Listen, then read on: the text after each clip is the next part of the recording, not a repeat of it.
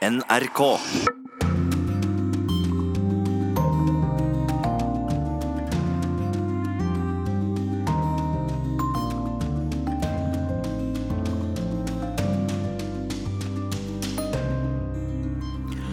Velkommen til Urix på lørdag, her i studio Øystein Heggen. Ifølge FN sitter minst én million ugurer i såkalte omskoleringsleirer i Kina. Vi har møtt en kvinne som satt i en slik leir i ett år. Disse tablettene og sprøytene fikk oss til å glemme ting. For myndighetene ville at vi skulle glemme fortiden vår og identiteten vår. Og dette har vi hørt en del ganger fra Washington DC denne uka. You swear or affirm that the testimony you're about to give is the truth, the whole truth, and nothing but the truth, so help you God. Det er en avgrunn mellom det demokratene og republikanerne mener om beskyldningene mot Donald Trump. Vi ser nærmere på hva republikanerne egentlig mener. Raseriet vendte seg mot landets myndigheter, mot prestestyret, mot de som bestemmer, mot det meste som den konservative islamske republikken består av. Er opprøret i Iran slutten på pressestyret? Vi spør en av opposisjonens representanter i Norge. Og i korrespondentbrevet forteller Kjersti Strømmen fra protestene i Hongkong. Faren sier at han ikke er samd i at hun tar del i protester som kan bli til farlige situasjoner, men han kan ikke tvinge henne til å holde seg hjemme. Han kan ikke binde henne fast. Og her kan du også høre ukens podkast. Henger kaoset vi ser flere steder i verden sammen på noen måte? Vi sjekker inn hos våre korrespondenter i Moskva, Beijing og Washington DC for å finne svar på det. Men aller først i Urix på lørdag om et latinsk uttrykk som stadig dukker opp i USAs hovedstad, quid pro quo. I want nothing. I want nothing. I want no quid pro quo. Jeg ba ikke om motytelser fra Ukraina, sa president Donald Trump i en kommentar etter fem dager og tolv vitner i riksretthøringen i Kongressen. Men demokratene mener at quid pro quo, altså et krav om motytelser, ble bevist. Ukraina-eksperten Alexander Windman var en av dem som i sommer lyttet til telefonsamtalen mellom Trump og president Volodymyr Zelenskyj. An investigation into a political opponent. opponent. Det var upassende å be Ukraina etterforske Trumps politiske motstander Joe Biden og hans sønn Hunters styreverv i Ukraina, sa Windman. Og USAs fungerende Ukraina-ambassadør William Taylor sa han oppdaget en uformell kanal til Ukraina utenom diplomatiet.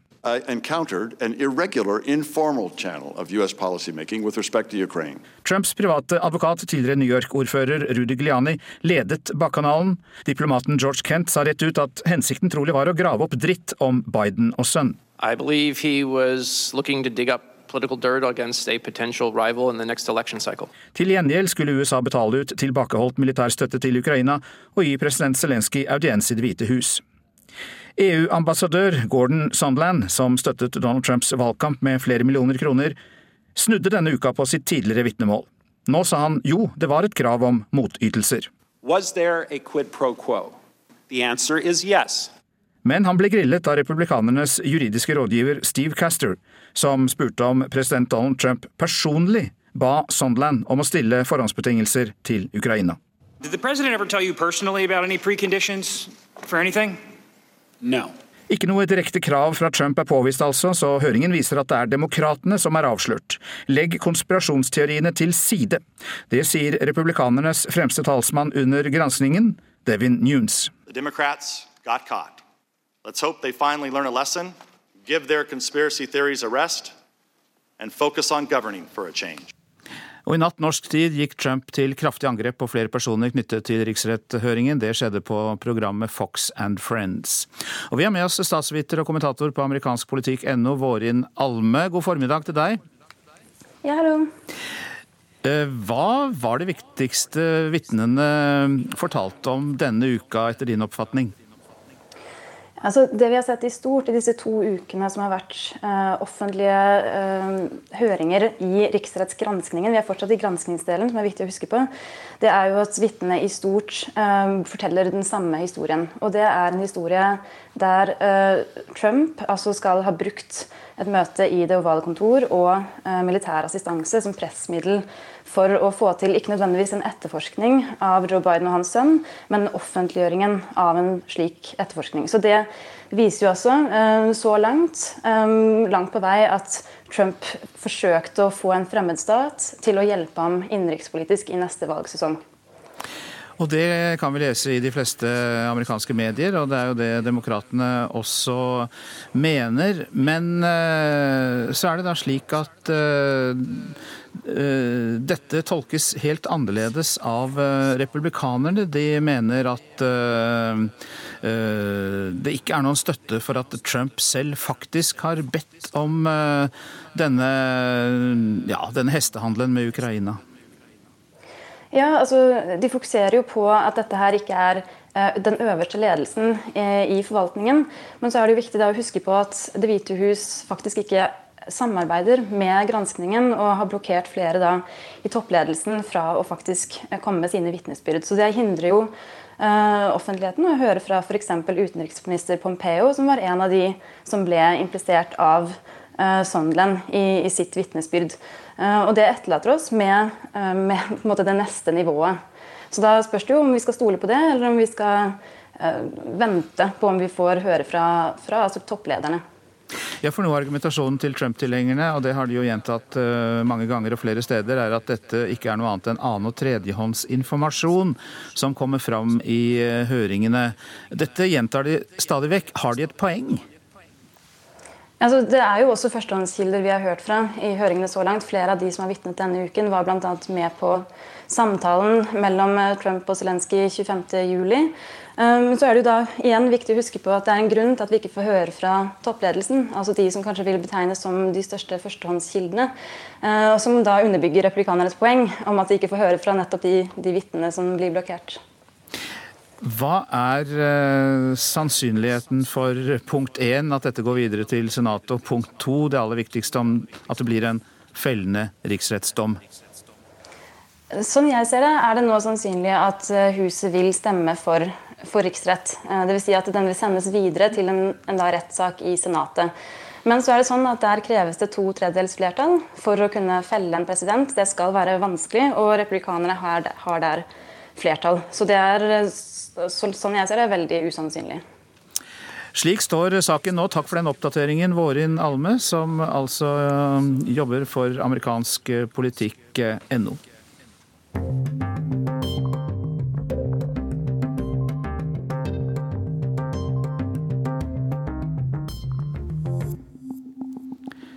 Flere tusen er såret, og så mange som 200 mennesker kan ha blitt drept i Iran i løpet av de siste dagene.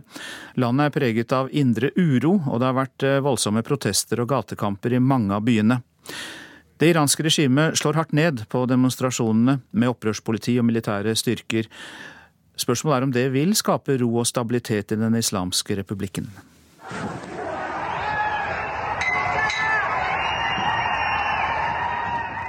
Amatøropptakene som kommer ut fra Iran nå, viser et land i krise. Et folk som er splittet, og et regime som forsøker å gjenopprette orden med det de vet har fungert gjennom 40 år. Soldater, tåregass, skytevåpen og batonger brukes mot alle de som protesterer.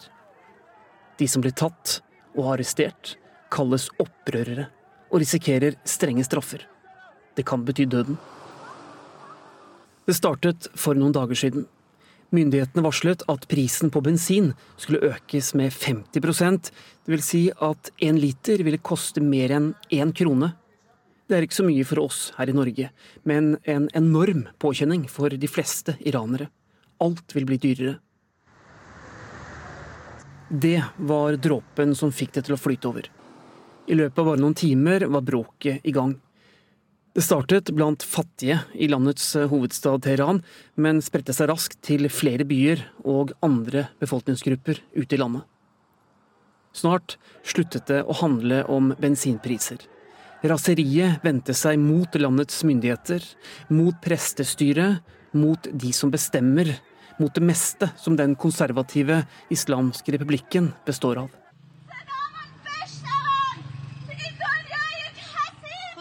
Et av amatøropptakene er fra hovedstaden. I starten av opptaket ser vi en gangbro som går over en motorvei. På motorveien under gangbroen er det hundrevis av biler. De står i ro.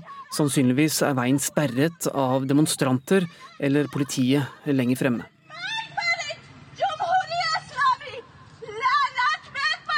En kvinne oppe på gangbroen stopper opp og ser ned på bilene og alle menneskene som står rundt dem. Så begynner hun å rope.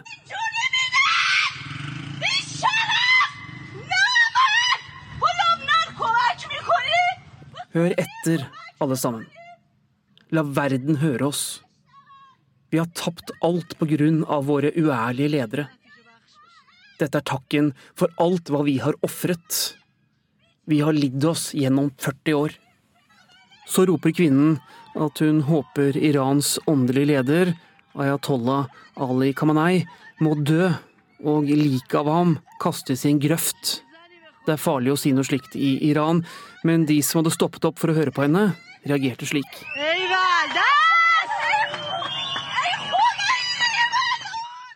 Til tross for at myndighetene i Iran har sperret internett, er det lagt ut hundrevis av amatøropptak. De viser opptøyer og voldsomme sammenstøt mellom demonstranter, eller opprørere som de kalles av myndighetene, og politiet. Noen av opptakene viser også polititjenestemenn som avfyrer skudd mot demonstrantene. Andre steder er det demonstranter som jager bort politistyrkene. Det er kaos i deler av Iran nå. Ifølge menneskerettighetsorganisasjonen Amnesty er minst 106 mennesker drept, tusenvis er såret. Rapportene tyder på at antall dødsofre kan være dobbelt så høyt. Årsaken til urolighetene i Iran og den anstrengte økonomien i landet er delvis de strenge sanksjonene fra USA. De har bidratt til høy arbeidsledighet og inflasjon. Amerikanerne følger naturligvis med på det som foregår. Iran er en av deres fiender. Sannsynligvis mener USAs ledere at det stort sett er positivt hvis det iranske regimet ødelegges innenfra. Utenriksminister Mike Pompeo var tidlig ute og la ytterligere press på de iranske lederne. The Islamic Republic must cease violence against its own people and should immediately restore the ability of all Iranians to access a free and. Men iranerne de vet å svare for seg. Sannsynligvis var det akkurat dette de trengte.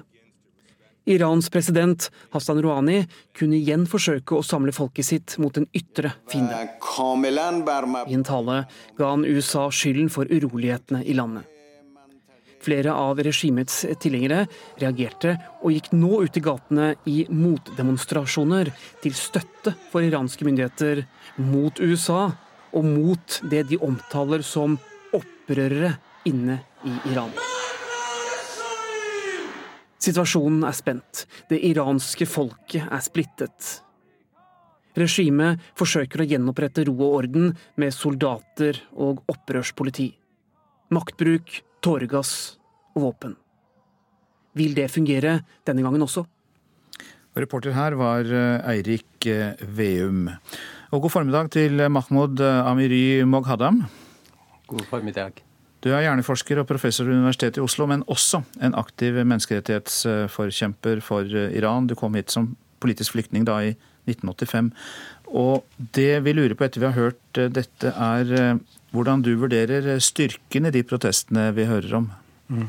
Altså, det er jo viktig å huske at de protestene handler ikke om bensinprisen, men uh, det er protest mot en, et undertrykkende regime i mer enn 40 år. Og som eh, pga. deres ambisjoner i regionen, så må vanlige folk betale prisen. Eh, hvis du sammenligner eh, protestene med det som har skjedd i de siste ti årene, altså etter valget i 2009, så hadde vi store protester. Den gangen, i løpet av hele eh, protestperioden, så ble omtrent under 100 personer eh, drept. Eh, nå bare i løpet av tre dager så har vi Iran Human Rights fått rapporter om 200-300 personer. I tillegg så var det jo slik at den gangen så var det snakk om reformvennlige personer innad i systemet eh, versus det konservative.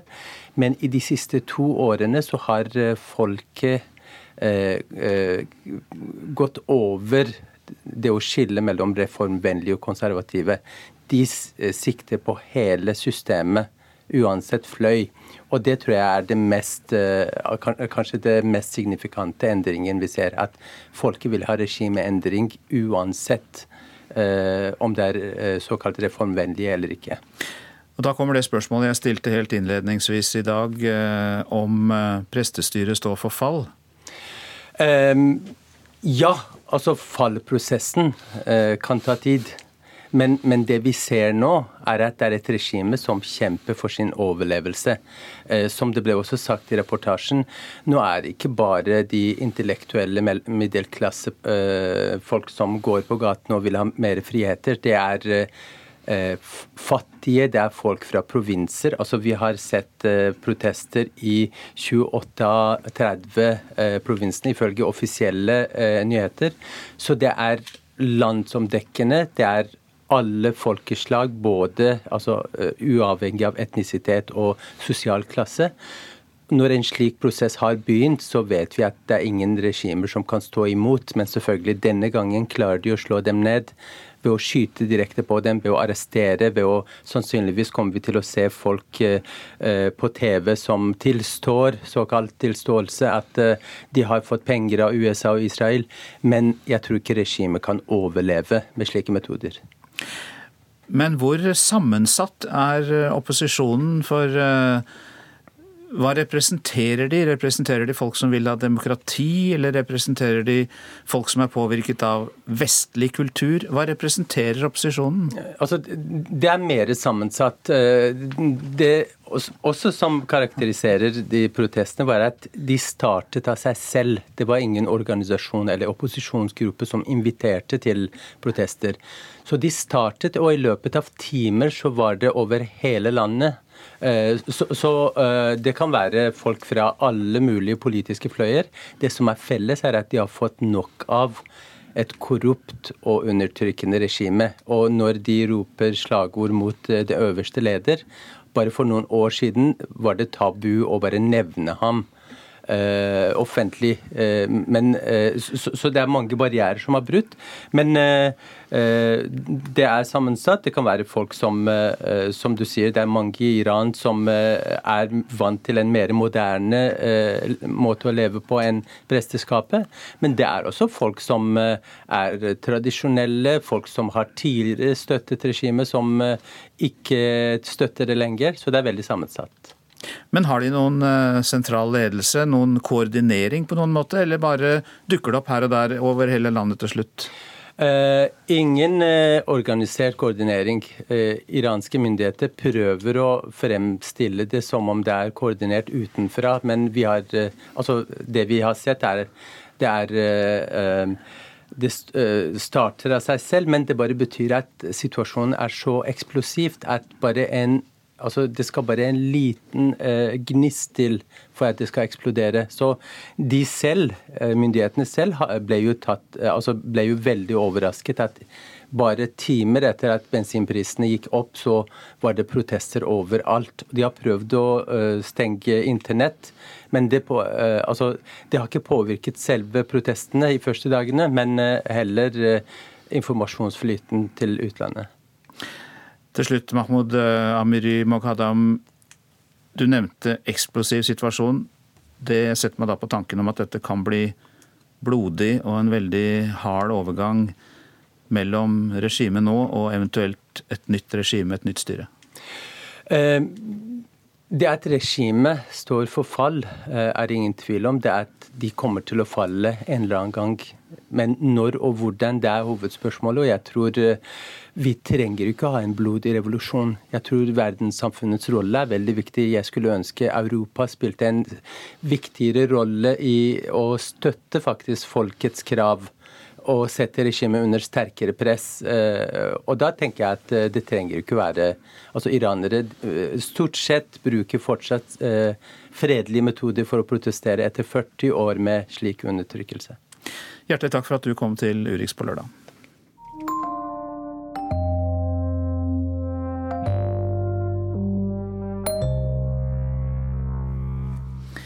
Ifølge FN sitter minst én million ugyrer i såkalte omskoleringsleirer i Kina. Kinesiske myndigheter sier at hensikten er å bekjempe ekstremisme i Kinas muslimske befolkning, og benekter at ugyrene behandles dårlig. Men flere som har sittet i leirene forteller om tortur og forferdelige forhold. Korrespondent Sissel Wold har truffet en av dem i Istanbul. De hopper tau, noen av jentene på uigurskolen i Istanbul. De er 10-12 år, og hun som hopper, har på seg blå kjole og en lys rosa hijab. Snart begynner undervisningen her, der elevene får snakke sitt eget språk og lære om sin egen kultur. Det er en sterk kontrast til uigurenes liv i Kina, der jentenes familier kommer fra. Det vet Gulbahar Jelilova alt om. For hun satt i en såkalt omskoleringsleir for uigurer i Kina i over ett år. Vi satt på gulvet med lenker. Én hånd var lenket til føttene våre. Vi var 40 kvinner i et rom på bare 20 kvadratmeter, så det var veldig trangt. Vaktene satte jevnlig sprøyter på oss og ga oss tabletter. Etter noen uker mistet mange kvinner menstruasjonen, forteller hun, mens hun av og til tar til tårene. Gulbahar Jelilova har på seg en lang, svart abaya. Håret er dekket med et sjal i sterke blåfarger, uigurenes farge. Vi møter henne på et kontor for uigurtidsskrifter like ved skolen. Hun var 53 år da hun ble arrestert i Kina. Hun fortsetter. Disse tablettene og sprøytene fikk oss til å glemme ting. For myndighetene ville at vi skulle glemme fortiden vår og identiteten vår. De lyktes delvis, for jeg har glemt så mye. Forholdene i leiren var forferdelige, forteller hun. Om nettene når de skulle sove, var det ikke plass til alle på gulvet.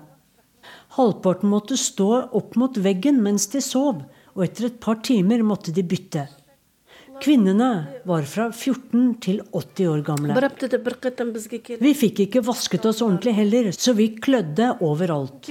Og da vi fikk lus etter en måned, så snauklippet de oss. Rutinene var strenge. Og hver dag måtte de pugge kinesisk i tre timer. De måtte lære fem kinesiske hymner som nasjonalsangen. Og den husker hun.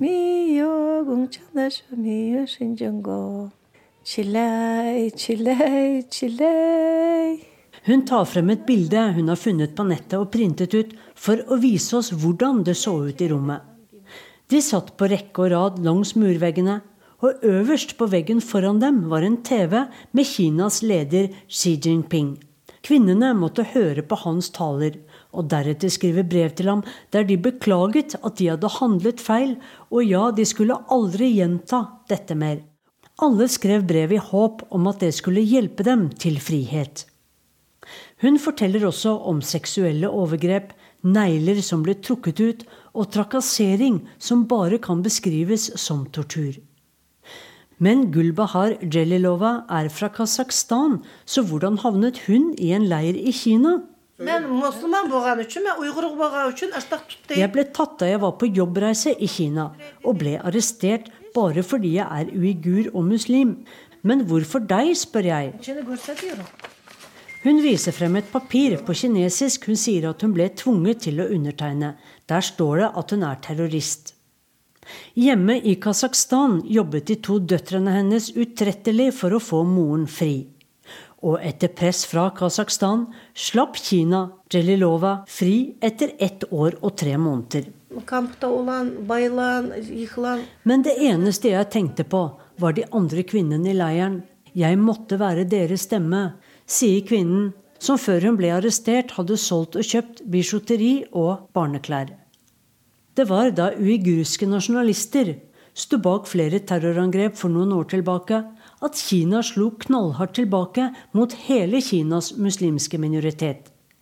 Med omskolering skulle muslimer tvinges til å bli gode kinesere og kommunister. Slik skulle ekstremisme bekjempes. Jeg spør om hvordan oppholdet påvirket henne. Tok hun etter hvert avstand fra sin muslimske identitet? Nei, leiren hadde motsatt effekt på meg. Før pleide jeg aldri å be, jeg praktiserte ikke religionen min, forteller hun. Hun scroller på mobilen og viser frem et bilde tatt tre måneder før arrestasjonen. Wow, sier vi. Bildet viser henne sminket, med røde lepper og en fyldig svart hårmanke. En annen kvinne enn den konservativt kledte som sitter ved siden av meg i sofaen. Etter leiren så jeg ikke meg selv bare som et individ, men som en del av en nasjon, en del av noe mye større, forklarer hun.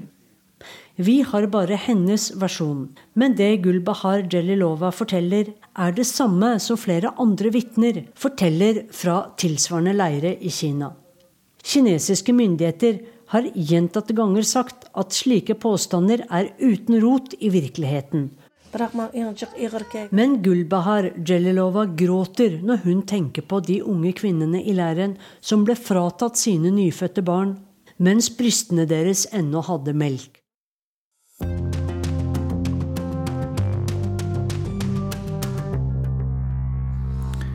Du lytter til eh, Urix på lørdag, og vi tar med at i USA har Michael Bloomberg kjøpt TV-reklame for 33 millioner dollar, over 300 millioner kroner altså, i løpet av den siste uka bare. Amerikanske medier ser det som et tegn på at han har en plan om seinere å erklære seg som en av presidentkandidatene for Demokratene. Den tidligere ordføreren i New York er en av verdens rikeste personer, med en formue på 50 milliarder dollar. Bougainville kan bli verdens nyeste nasjon. Innbyggerne på denne øygruppa i Stillehavet går nå til urnene for å stemme over selvstendighet fra Papa Ny-Guinea. Om lag 207 000 personer skal avlegge stemme de neste ukene. Valget står altså da mellom full uavhengighet fra Papa Ny-Guinea eller mer selvstyre, og resultatet er ventet rundt 15. desember. Og i Colombia lover president Ivan Duque nasjonale forsoningssamtaler etter store demonstrasjoner de siste dagene. Tre personer er drept i sammenstøtene. Over 100 000 mennesker i Colombia deltok torsdag i demonstrasjoner mot presidenten og hans økonomiske politikk. Nå til eh, korrespondentbrevet. Skal, eh, der skal vi ta følge med Kjersti Strømmen til Hongkong og høre om de møtene hun hadde der med noen av de ungdommene som protesterer mot den kinesiske sentralregjeringens økende innflytelse i denne bystaten. Jeg står med én fot i hver leir. Journalistfoten står midt i kaoset i Hongkong, der ungdommer ned i tolvårsalderen har beleira seg på innsida av et universitet og møter tåregass og gummikuler med brannbomber og pil og bue. Den andre foten vil tilbake til Beijing, til mitt eget barn som fyller tolv år og ønsker seg en helt vanlig bursdag med kake, gaver og sang. Jeg spør henne på telefon om det er viktig at jeg er der når hun våkner til bursdagen, eller om hun like gjerne vil at jeg henter henne på skolen. Da kan jeg ta et seinere fly og få gjort mer. Da kan jeg være vitne bare enda litt mer til hvordan dette ufattelige slaget skal ende. Spørsmålet provoserer selvsagt, og det er helt unødvendig. Jeg vet allerede svaret, både i mitt eget hjerte og i hennes. Selvsagt skal jeg være der når dagen gryr og denne vidunderlige personen slår øynene opp til tolv brennende ljos i vintermørket. Det skjer ikke hver dag, det skjer faktisk aldri igjen. Samtidig står fortvilte foreldre på utsida av Polytech-universitetet i Hongkong med skjelvende pust og trygler styresmaktene om å vise barna deres nåde. De har sett flammene stige opp fra ungdommene sin leir, og de har kjent tåregassen som politiet pøser på med gjennom dager og netter. I Hongkong møter jeg ei mor som veit godt hvordan det kjennes, hun gret gjennom hele intervjuet. Det er rene flaksen at hun akkurat denne veka har gutten sin hjemme. Han er 17 år og kaller seg David. Denne gangen er han ikke ute der slaget står. Han er ikke på det barrikaderte universitetet som er blitt omringet av politi, men han er til vanlig aktiv i protestene. Mora forteller at hun alltid følger med på direkte TV når sønnen er ute og demonstrerer. For noen uker siden så hun han brått der, på fjernsynsskjermen, lagt i bakken av politiet. Det holdt han i et jerngrep. Hun ble så redd at hun heller ikke nå klarer å sette ord på kjensler. Hun sendte ut dattera, som er eldre enn sønnen, for å finne gutten. Dattera leita og leita til hun ble helt utmatta, og noen tilfeldige mennesker måtte ta vare på henne. Endelig, fire timer seinere, ringte telefonen, og mora hørte Davids stemme. Hun tenkte ikke på hva han hadde gjort, hvor han hadde vært, bare at han var trygg. Han var ikke forsvunnet, han var ikke død, han var i live, og det var det eneste som var viktig. Nå ser hun ikke på direktesendinger lenger. Hver gang sønnen tar på seg den svarte T-skjorta, blir hun nervøs. Hun vil at han skal ta sine egne avgjørelser, men hun er alltid engstelig. Andre foreldre har det vel også slik nå for tida at når det ringer på døra, så blir de nervøse, sier hun. I hennes øyne har David alltid vært en god gutt. Går det an å si at de ikke er fine ungdommer, disse guttene og jentene som kjemper for samfunnet vårt, spør hun retorisk. Denne mora støtter opp om protestene, men skulle ønske det ikke var nødvendig for ungdommen å stå på barrikadene. Andre foreldre har kasta barna sine ut av huset om de ikke holder seg hjemme, i en konflikt som splitter familier, venner og arbeidsplasser. Sønnen hadde tenkt å studere i utlandet, men etter at han ble arrestert, er det trolig ikke lenger mulig. Han mener det er et offer han gjerne tar for Hongkongs framtid. 17-åringen mener at han ikke vil være så selvsentrert at han setter sin egen framtid først. Han skal nok overleve også om han havner i fengsel og kommer ut igjen.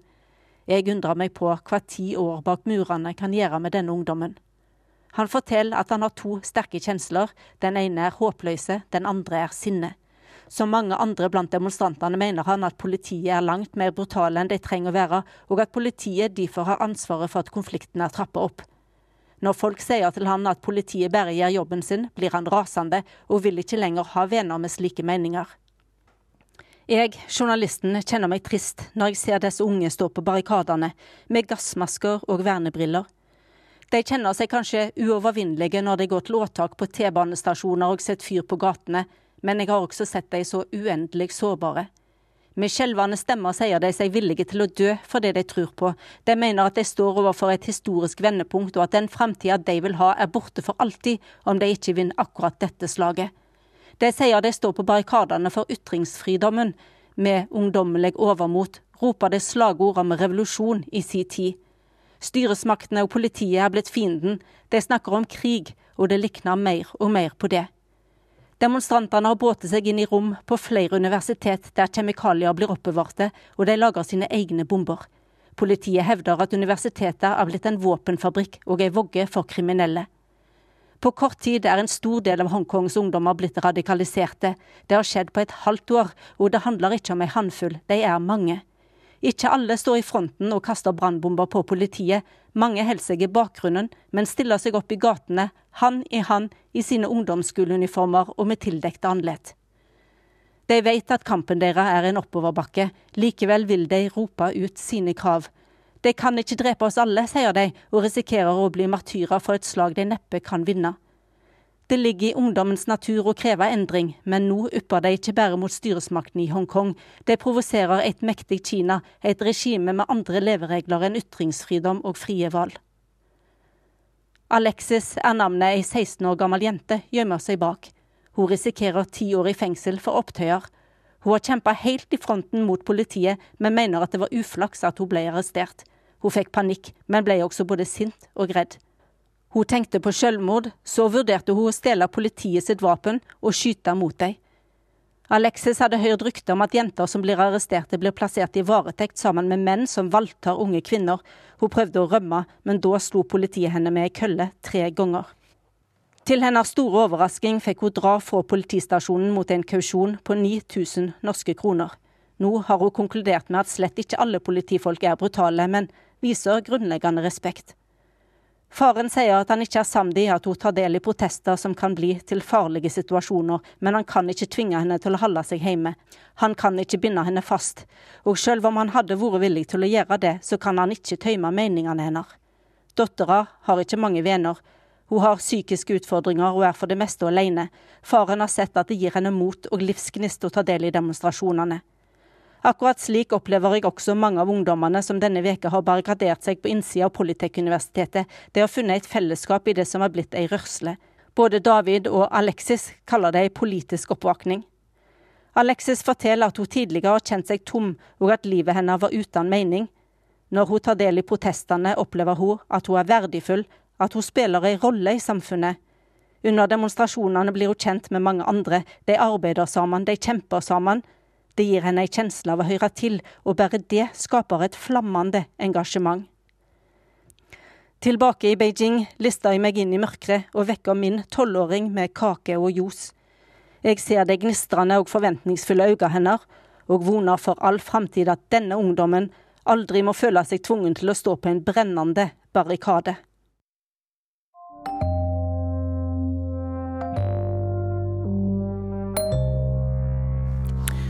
Ukens eh, podkast kan vi kalle en kaospilot for utenriksjournalistikken.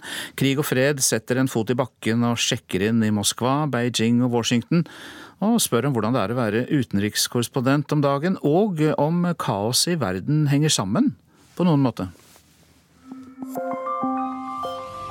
Politisk kaos, voldelige demonstrasjoner og nyheter vi ikke lenger kan stole på. Det virker som vi er inne i en ganske heseblesende periode i verdenshistorien, Sigurd. Det gjør det. og Det skjer mye, og det skjer mye ganske grunnleggende ting i land som tradisjonelt har stått oss nær, sånn som USA, eh, Storbritannia, men også her i Frankrike, hvor jeg er nå. Men så tror jeg vi skal huske på at uh, verdenshistorien per definisjon er ganske heseblesende. Denne uka så tenkte jeg vi skulle gjøre noe litt annet enn det vi vanligvis gjør her i Krig og fred. Løfte blikket litt. Ja, Gjøre opp status for utenriksjournalistikken, kanskje. Sigurd, du er altså utenriksredaktør her i NRK. Tidligere så var du med og laget eh, Krig og fred. Det husker sikkert mange. Men akkurat nå så er du i Paris for å snakke om ja. utenriksjournalistikk.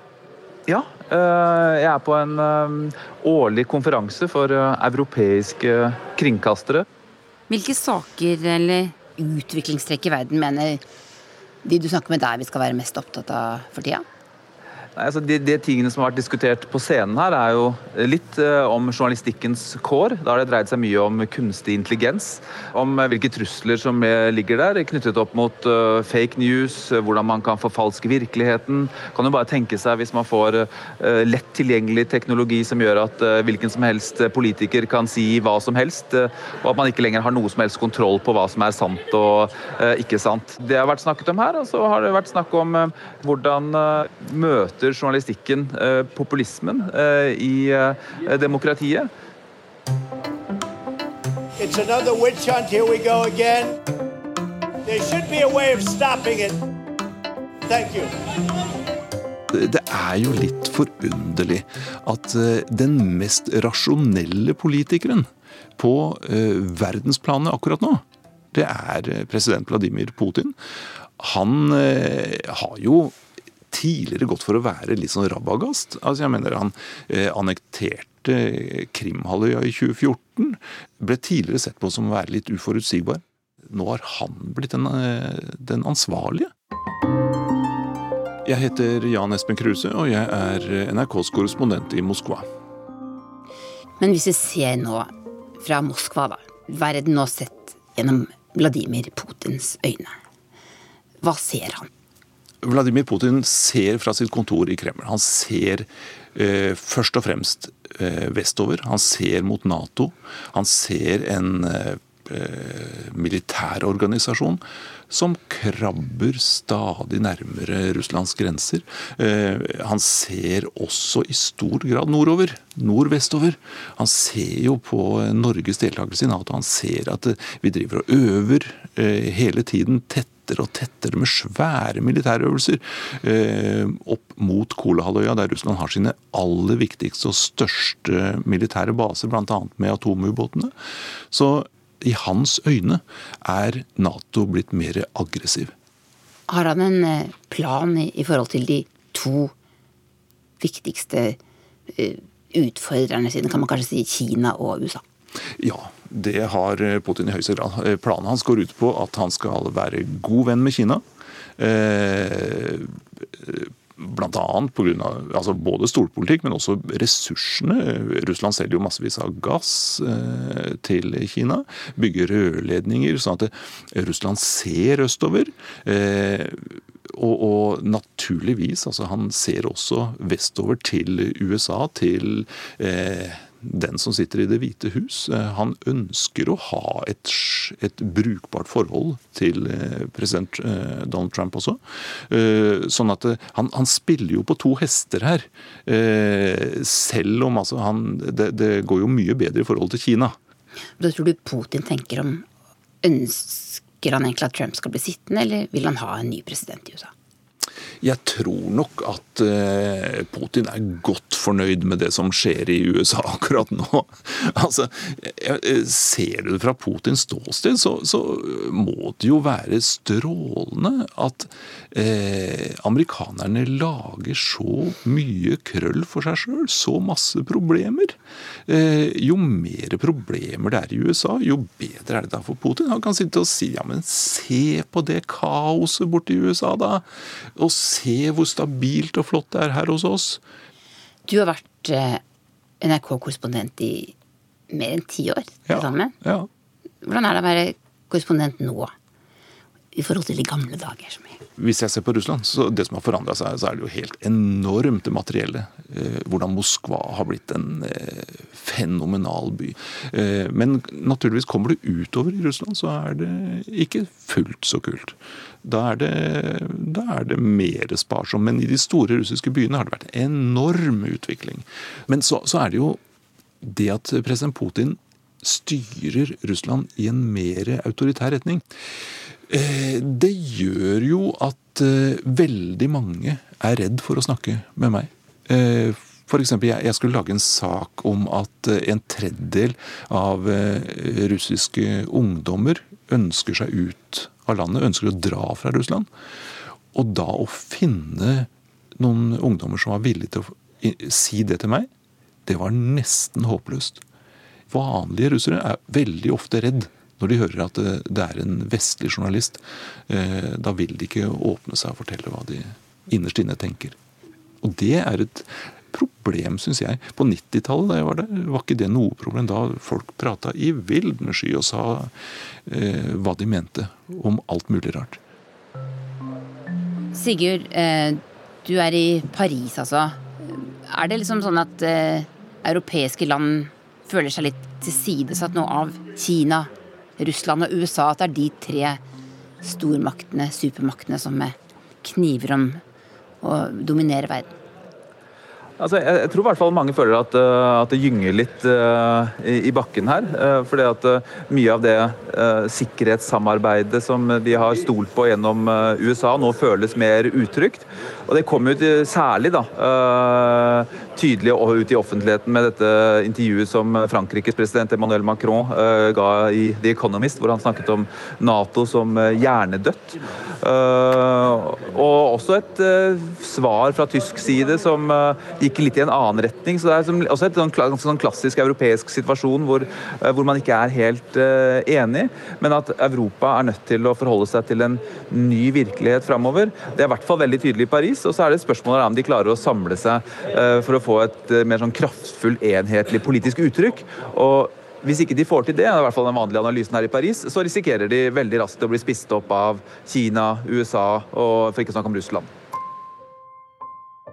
Kjersti Strømmen, klokka er to om natten hos deg. Myndighetene truer altså med å skyte demonstranter. Hvor alvorlig kan dette bli?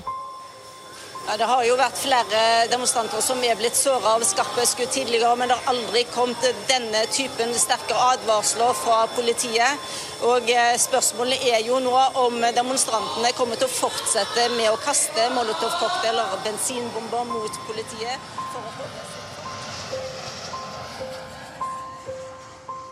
Hei, Kjersti.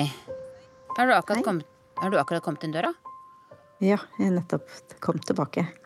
Etter noen heftige dager i Hongkong. Ja. Hvordan er det å komme tilbake igjen etter en sånn jobb?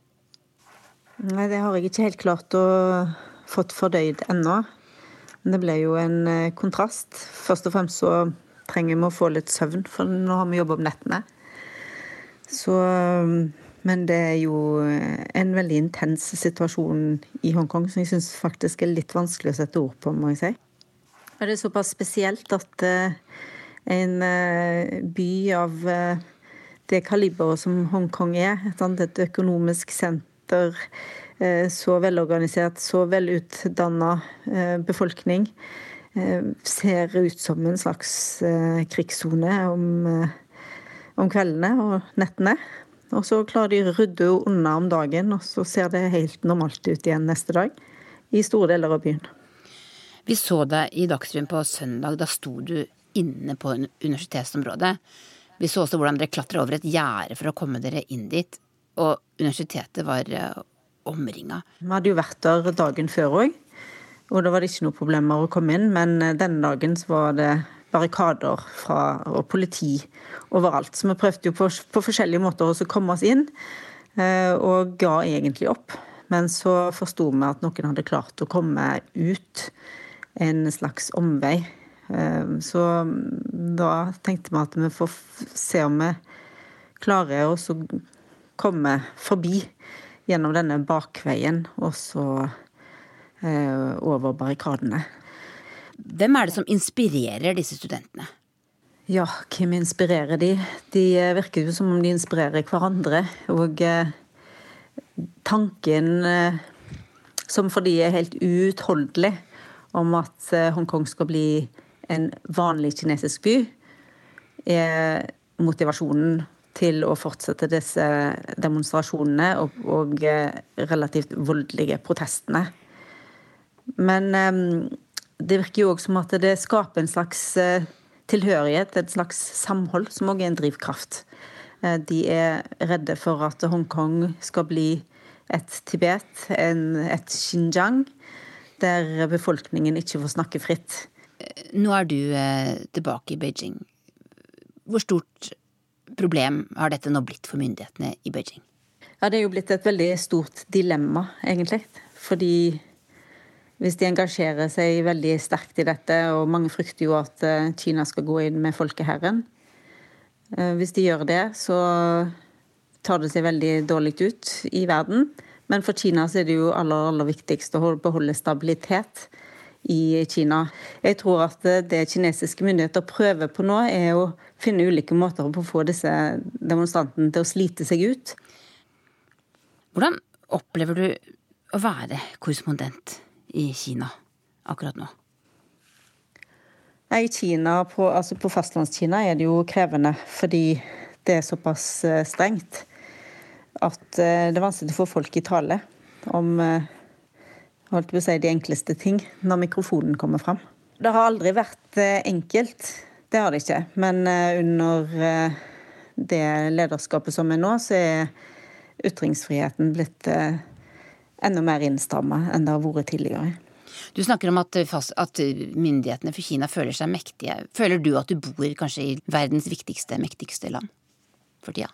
Ja, det syns jeg. Det merkes vel også på kineserne. Altså, det finnes jo et sånt sosialt minne om at man eh, har vært et mektig land, eh, en mektig nasjon, tidligere. Og at eh, og Xi Jinping som president i landet snakker om denne gjenreisningen. Så det finnes en veldig sterk nasjonal eh, stolthet blant kinesere, som jeg syns er veldig tydelig.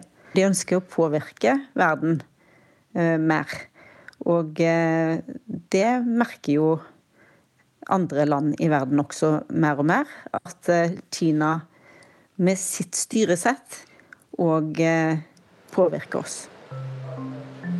Sigurd, vi har snakket litt om dette med både Jan Espen i Moskva og Kjersti i Kina. At både Russland og Kina føler vel kanskje at de har mer kontroll over situasjonen for tida i verden enn det USA har. Er det er det noe med denne balansen mellom disse tre landene som vi ikke helt får med oss i vår liksom overdekning av riksrettssaken i USA?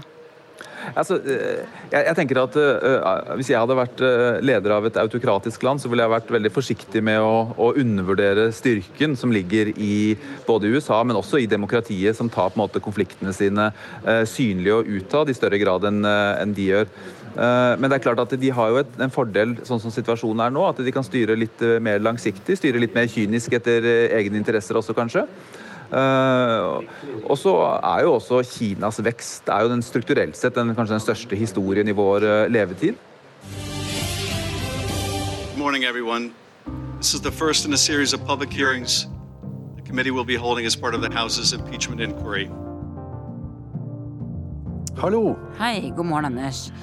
Er det kaffe og dagens eh, riksrettshøring som Ja, står Ja, nå er det en god kopp kaffe, og så eh, er det TV på to kanaler, Fox News og CNN, pluss eh, digitale aviser som eh, jeg går gjennom.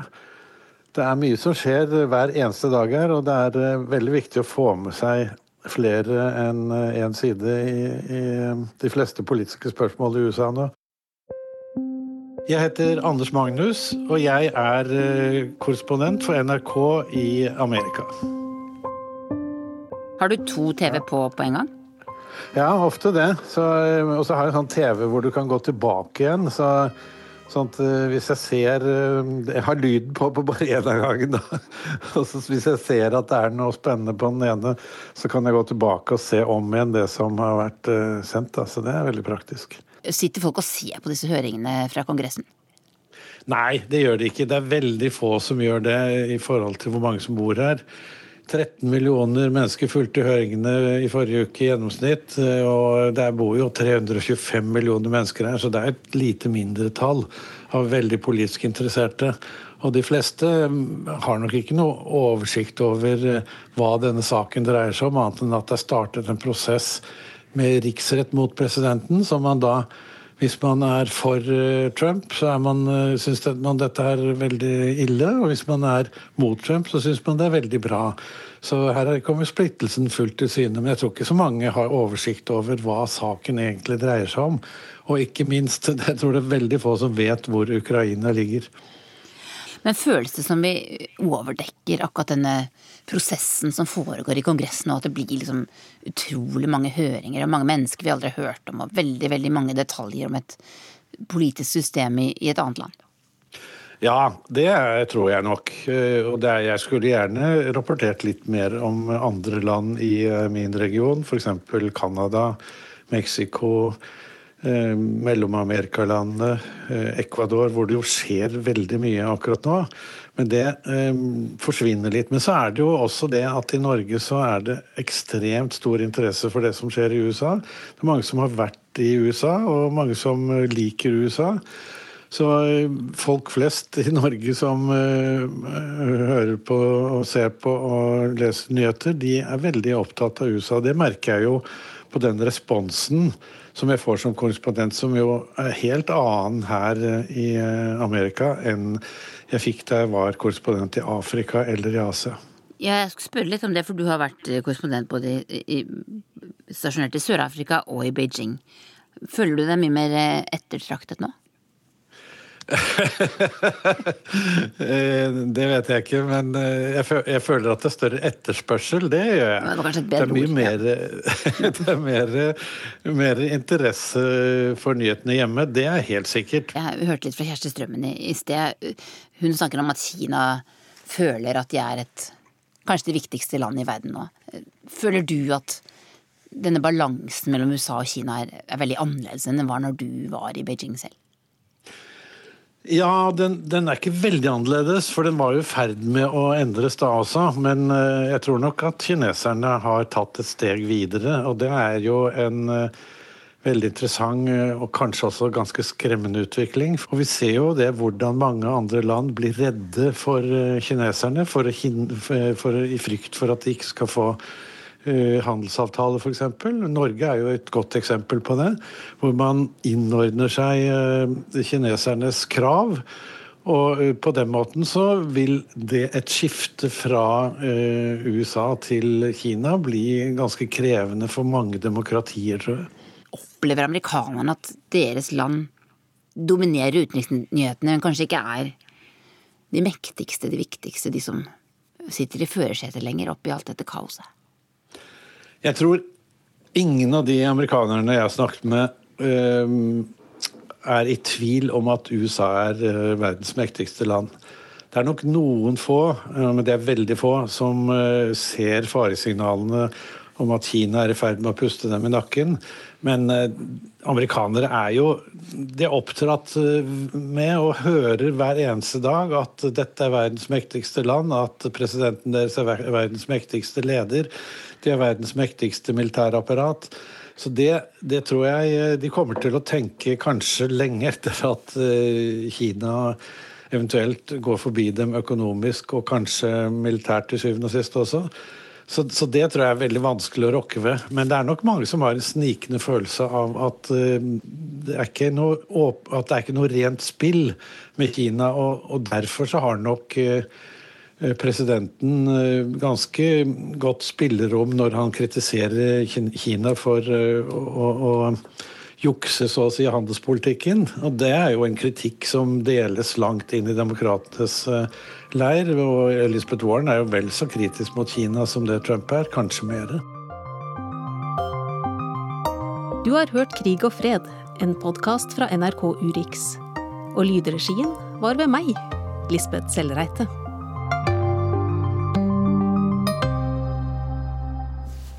Og ansvarlig for denne podkasten, som du altså kan eh, hente på nettet, det var eh, Tove Bjørgaas. Du har lyttet til eh, Urix på lørdag. Teknisk ansvarlig i dag var Stein Nybakk. Produsent Tom Ingebrigtsen. Og her i studio Øystein Heggen.